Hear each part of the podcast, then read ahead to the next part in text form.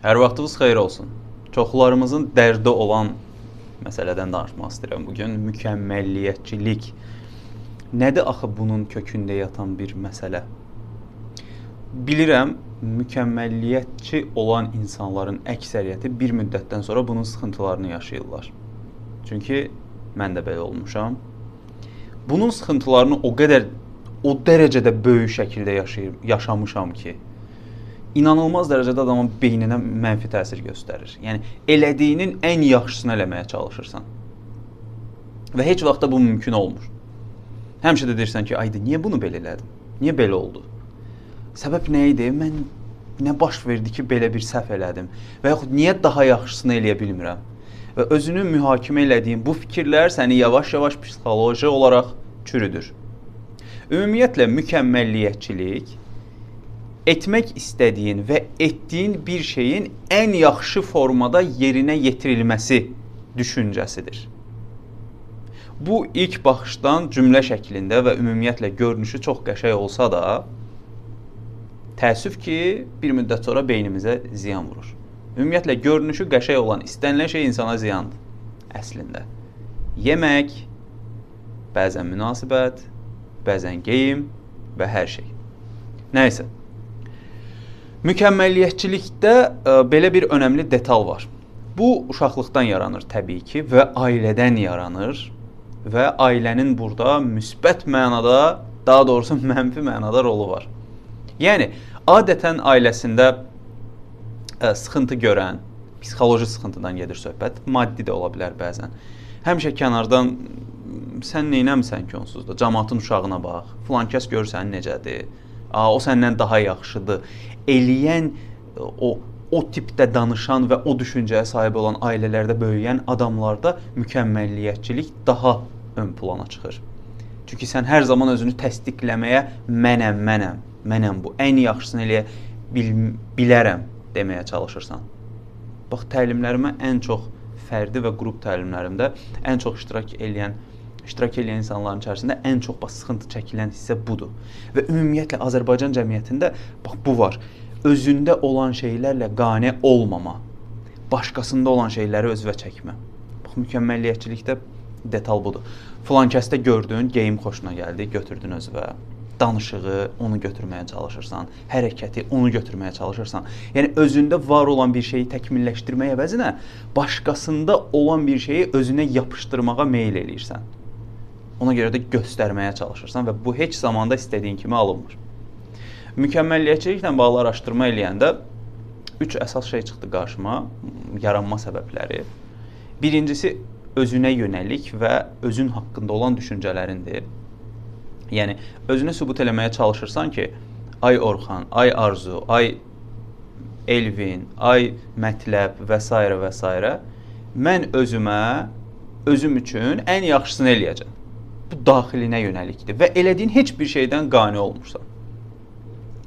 Bu bilirsiniz nəyə oxşayır? Məsələn, keçmiş şəkillərinizə baxanda məsələn 2-3 il əvvəl çox zaman deyirik ki, ay da nə gündə düşmüşəm.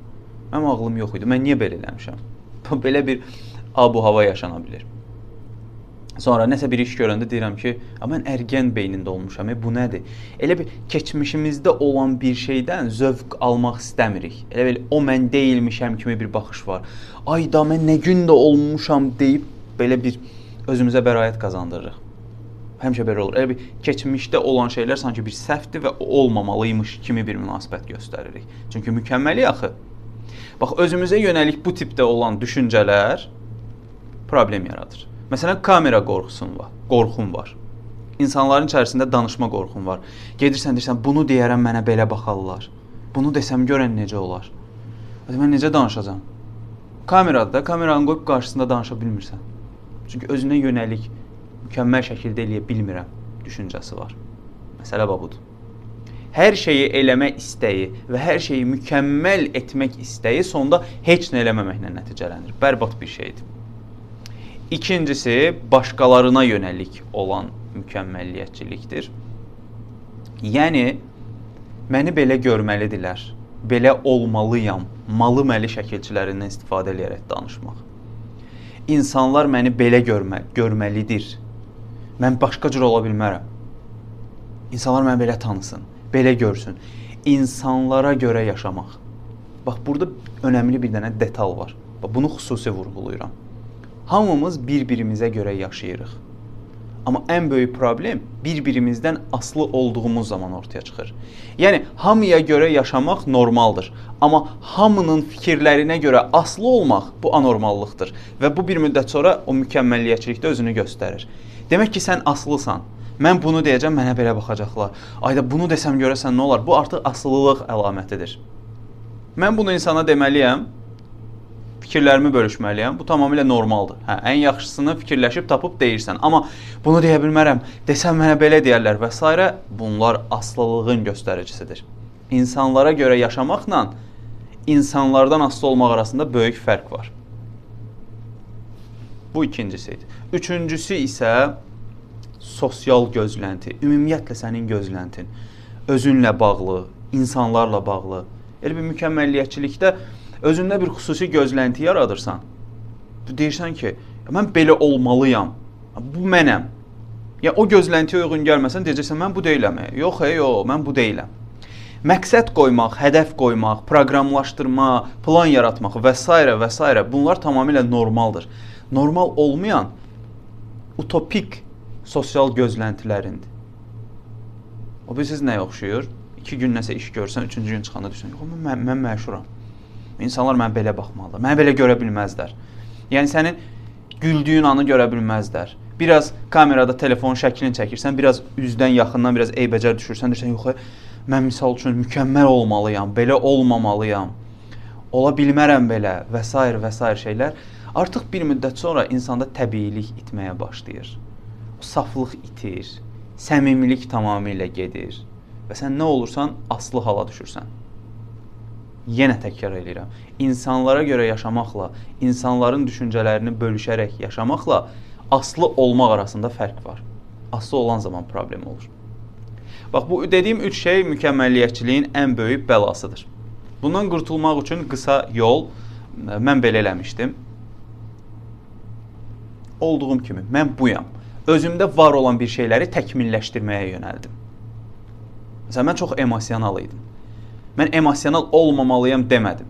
Mən dedim ki, emosional olduğun zaman onu necə idarə edəcəksən? Getdim onu araşdırdım, öyrəndim. Emosiya nədir, duyğu nədir, psixoloji olaraq proses necədir? Mən insanlarla əlaqə qura bilmirdim. Əlaqə qurmaq nədir? Ümumiyyətlə bu proses necə olur? Bunu öyrəndim.